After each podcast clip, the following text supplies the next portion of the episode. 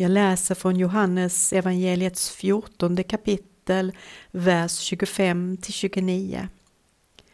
Jesus sa, detta har jag sagt er medan jag är kvar hos er. Men Hjälparen, den heliga Anden som Fadern ska sända i mitt namn, han ska lära er allt och påminna er om allt som jag har sagt er.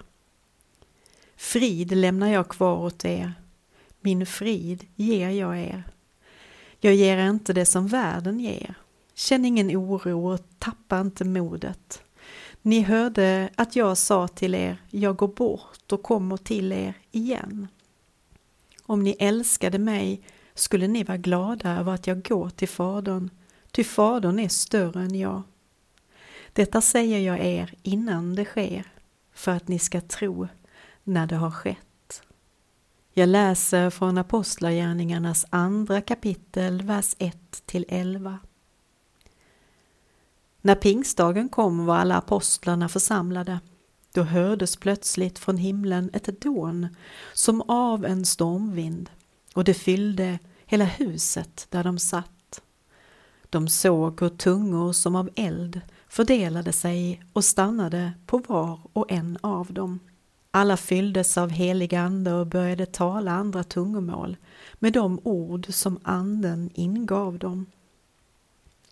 I Jerusalem bodde fromma judar från alla länder under himlen. När dånet göd samlades hela skaran och förvirringen blev stor när var och en hörde just sitt språk talas. Utom sig av förvåning sa de, men eh, är de inte galileer allesammans, dessa som talar? Hur kan då var och en av oss höra sitt eget modersmål talas? Vi är parter, meder, elamiter och vi kommer från Mesopotamien, Judeen och Kappadokien och från Pontus och Asien, från Frygien och Pamfylien, från Egypten och trakten kring Krene i Libyen. Vi har kommit hit från Rom, både judar och proselyter.